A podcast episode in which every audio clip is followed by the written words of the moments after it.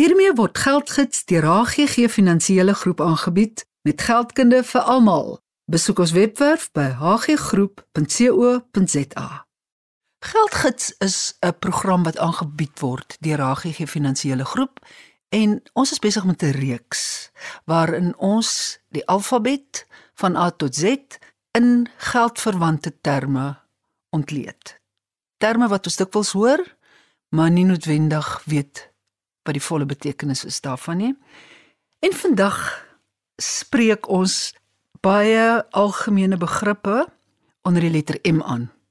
Ons paneelkundiges vandag is Linda van Greuning, direkteur van die Trust Sake Eenheid van HGG Finansiële Groep. Stefan van der Walt en Eduan Bason is albei finansiële raadgewers verbonde aan die welvaartsake eenheid van HGG Finansiële Groep en Karen Nematikatos is verbonde aan Helderberg Insurance Brokers wat ook 'n sake eenheid is van die HGG Finansiële Groep. Linda, ons hoor gereeld die woord meester. Wat is 'n meester? Dit is amper so 'n gesiglose gesag, so gesags figuur in trouens in die oë van die publiek word die meester beskou as die pater familias. Hmm. Dit is die oppergesag en voog oor die finansiële belange van persone en van minderjariges en van mense met geestelike onbevoegdhede. So 'n beskermengel. 'n Beskermengel is nou 'n ander mooi woord daarvoor, ja. So hy's ook die oppervoog oor minderjariges. Dit is so bekend in die volksmond. Die meester is 'n afdeling van die departement van justisie en konstitusionele ontwikkeling. Ja. En dit is 'n skepping deur wetgewing, die meesterskantore. Ons het vandag 15 meesterskantore landwyd om dit toeganklik te maak vir soveel as moontlik mense.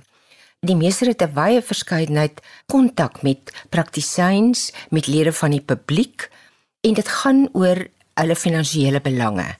Die belangrikste wetgewing waarmee saam die meester werk is die wet op beheer van trustgoed, die Poedelwet. Daar's natuurlik ook die wet op testamente, die insolventiewet, die wet op BKs en dan het hy die volgende funksies. Hy hou 'n oorsig oor die prosesse by bestorwe boedels. Mm -hmm. Daar's tans 15 meesterskantore oor die land versprei ja en die 'n nasionale kantoor is gesetel in Pretoria. By elke meesterskantoor word 'n meester aangestel mm. en dit word weer onderverdeel in assistentmeesters, assistentmeesters in die trust afdeling, die kurators afdeling, die boedel afdeling en dit word ook weer onderverdeel. Is daar meesteresse wat meesters is?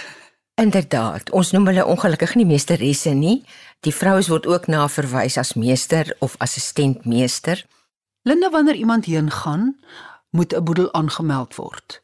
Maar ons almal het nie 'n testament noodwendig met ons seun gaan nie. Dan moet iemand wat weet van jou bates die boedel gaan aanmeld. Moet die oorlewendes of die agtergeblewenes moet hulle noodwendig by een van die 15 meesterskantore dit gaan aanmeld of is daar ander dienspunte? Die landrooskantore is ook 'n dienspunt vir mense wat bewus is van iemand wat afsterwe met of sonder 'n testament. By die landrooskantore word boedels aangemeld waar bates onder 250 000 rand is. Ja. Maar dis dienspunte. Enige iemand kan so intoe gaan en daar is kundige mense wat opgelei is om van hulp te wees. Kan ons luisteraars met jou in verbinding tree 'n verband met meesterskap enige tyd. Hulle kan vir my e-pos by linda@hggroep.co.za. Dankie Linda. Stefan, vandag is dit nou lekker dat jy hier in die Kaap saam met ons praat. Ek wil graag by jou weet onder die letter M waarmee ons nou besig is. Mediese fondse. Ons hoor dit elke dag, maar ons is nie altyd bewus van die voordele en die beperkings daarvan nie. Wat is 'n mediese fonds? Maar dit 'n mediese fonds is iets wat kliënte uitneem om hulle mediese onkoste te dek of dalk die meeste van hulle mediese onkoste te dek. Mens moet baie bewus wees van jou mediese fonds se beperkings en van hulle voordele sodat jy verstaan wat is gedek en wat is nie gedek nie. En dan dieselfde asem natuurlike oorbruggingsfonds ook oorweeg. Dit is ongelooflik belangrik.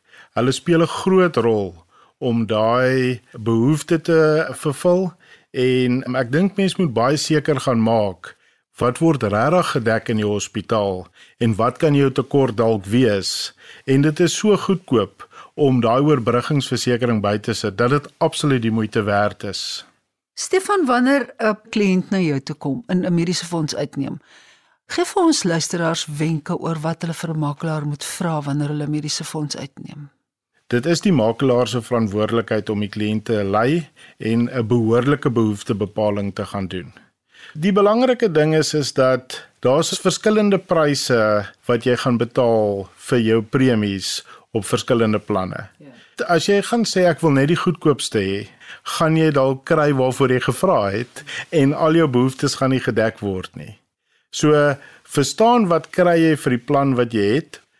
Ek dink is ongelooflik belangrik om te verstaan watse gedeelte van die risiko gaan jy self moet dra in geval van mediese onkoste, hospitalisering, uh medisyne, doktersbesoeke. doktersbesoeke. En daarvoor sal jou makelaar vir jou baie goeie uiteensetting kan doen en 'n appels vir appels vergelyking kan doen tussen die verskillende fondse om vir jou te kan uitwys waar is hulle dieselfde en waar is hulle anders hoe beter jy jou beplanning gaan doen aan die begin hoe beter uitkomste gaan jy hê wanneer jy moet gaan eis wanneer jy die behoefte het dit is ongelooflik belangrik om daai tyd af te staan om dit reg te doen van die begin. As ons luisteraars met jou in verbinding wil tree oor die voordele en die beperkings van 'n mediese fonds, Stefan mag hulle met jou praat? Absoluut. Dit is Stefan met 'n PH by hggroep.co.za. Dankie Stefan. Edouan, wat is mediese versekerings? Is daar 'n verskil tussen mediese fondse en mediese versekerings? Daar's 'n groot verskil tussen mediese fondse en mediese versekerings en 'n mediese fonds betaal vir jou mediese behandeling wanneer jy as 'n voorbeeld in die hospitaal beland en jy ontvang behandeling van 'n dokter af. Ja. Mediese versekerings betaal 'n vasgestelde bedrag aan jou sou jy in die hospitaal beland en vir 'n sekere hoeveelheid dae behandeling ontvang. Ja. As 'n voorbeeld sal hulle sê maar R5000 per dag wat jy in hospitaal is aan jou uitbetaal.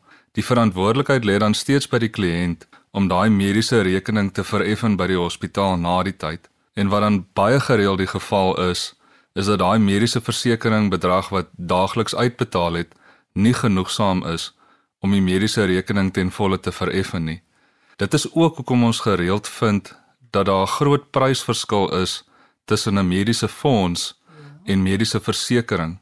En wat dan ook baie gebeur is die kliënt maak die besluit om mediese versekering in plek te sit bloot net omdat die maandelikse premie goedkoper is waar die voordele nie naaste by so omvattend is soos wat dit sal wees op 'n mediese fonds. Ja.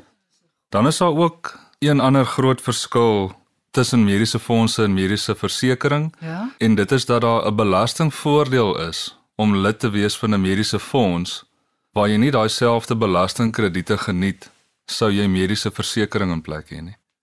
Maar dit is ook belangrik dat mense in ag neem dat mediese versekerings wel dekking het vir gevalle soos ledemate wat 'n mens verloor of indien jy in 'n ongeluk tot sterwe kom. Dit is natuurlik nie voordele wat jy sal hê op 'n mediese fonds nie, maar dit is behoeftes wat aangespreek kan word deur ander forme van langtermynversekering. Ja, wel dis 'n baie 'n noodsaaklike punt wat 'n mens ook in ag moet neem wanneer jy moet besluit. Dankie daarvoor, Eduard.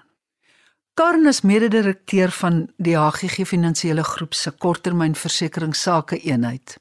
Is ek seker onder die letter M is motorversekering deel van jou daaglikse taak. Help my asseblief Karen, jy's welkom hier. Baie dankie Mariet. Om kortliks net op te som, wat is motorversekering?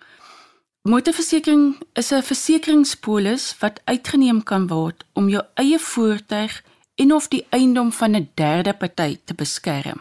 En dit sou wees wanneer jy byvoorbeeld iemand tref op straat. Ja, so dit kan 'n ander persoon wees, dit kan ook 'n ander party se voertuig wees of dan nou eiendom van 'n ander persoon. Wanneer jou motor in iemand se swembad beland. Ja. En wat is anders belangrik en beduidend wanneer jy met motorversekering besig is?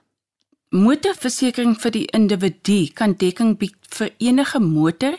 Dit kan ook ligte afleweringsvoertuig, 'n motorfiets, 'n sleepwa 'n karavaan dan nou insluit. Nie net die motor as ons praat van motorversekering. En as jy byvoorbeeld 'n boot sleep, dit gaan nou meer na aanspreeklikheid toe. Jy kan die boot self verseker en jy praat nou van motoraanspreeklikheid as jy die boot sou sleep of versleep waar dan nou ja. sal sleep. Dit is die derde party skade wat jou voertuig dan nou kan veroorsaak aan 'n ander party. En dan iets waaraan mense nie dink is wanneer jou voertuig dan nou stil staan vir 'n ruk. Gestel jy was in 'n motorongeluk Is daar 'n vorm van motorversekering wat vir jou dek in daardie tyd wanneer huur ter sprake kom? Ja, daar is. Dit is natuurlik 'n opsionele dekking onder die persoonlike polis. So wanneer dit 'n geldige eis onder jou polis is, my voertuig gaan in aan die paneelklopper toe vir herstel vir daai tydperk wat ek dan nou sonder my voertuig is, dan het ek die opsie om 'n ander voertuig te gaan huur en dis is gekoppel aan 'n spesifieke tydperk. So jy moet net seker maak dat jou polis voorsiening maak vir daai motorhuur indien jy motorhuur as 'n opsie sou neem. Tydens die pandemie het daar 'n nuwe dimensie aan motorversekering gekom. Juis omdat mense minder gery het. Dit is ook 'n dekking wat jy dan nou versoek van jou maatskappy. Hulle praat van smart park. Dit word in ag geneem wanneer my premie bereken word.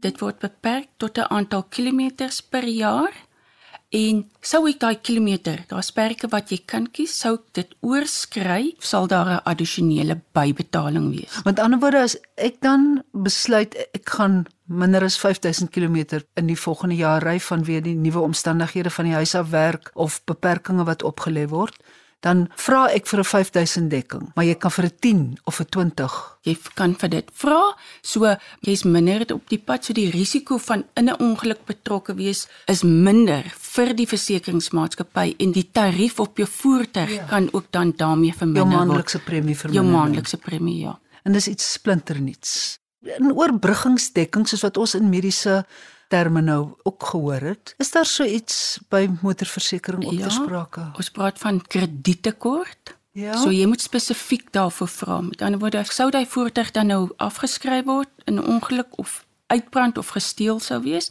en die uitstaande bedrag tussen wat die versekeringsmaatskappy my gaan uitbetaal en daai rente wat ek by die bank ja, die bedrag wat ek by die bank finansieringsskuld dit is daai krediettekort is opsionele dekking wat jy spesifiek moet voorvra. Karen, ek is seker daar gaan navraag wees oor die verskillende onderafdelings van wat ons net motorversekering noem. Mag ons luisteraars met jou in verbinding tree en kan jy 'n uh, e-posadres asseblief vir ons ja, gee? Dis Karen by hibrokers.co.za en dis Karen met 'n e. Geldgids word geborg deur HGG Finansiële Groep. Kontak ons gerus by info@hggroep.co.za of 021 851 2778. Dit maak nie saak hoe oud jy is nie. Die HGG Finansiële Groep stap die pad saam met jou. As jy meer as die alledaagse verwag vir advies oor omvattende finansiële behoeftes, lewer ons diens wat jou pas. Ons bied innoverende en toekomsgerigte finansiële dienste met die klem op persoonlike kontak. Dis die verhouding tussen ons en jou wat tel. Kontak jou naaste kantoor vandag nog om uit te vind hoe jy die voordele van 'n HGG leefstyl kan geniet. HGG Welvaart is 'n gemagtigde finansiële dienste verskaffer.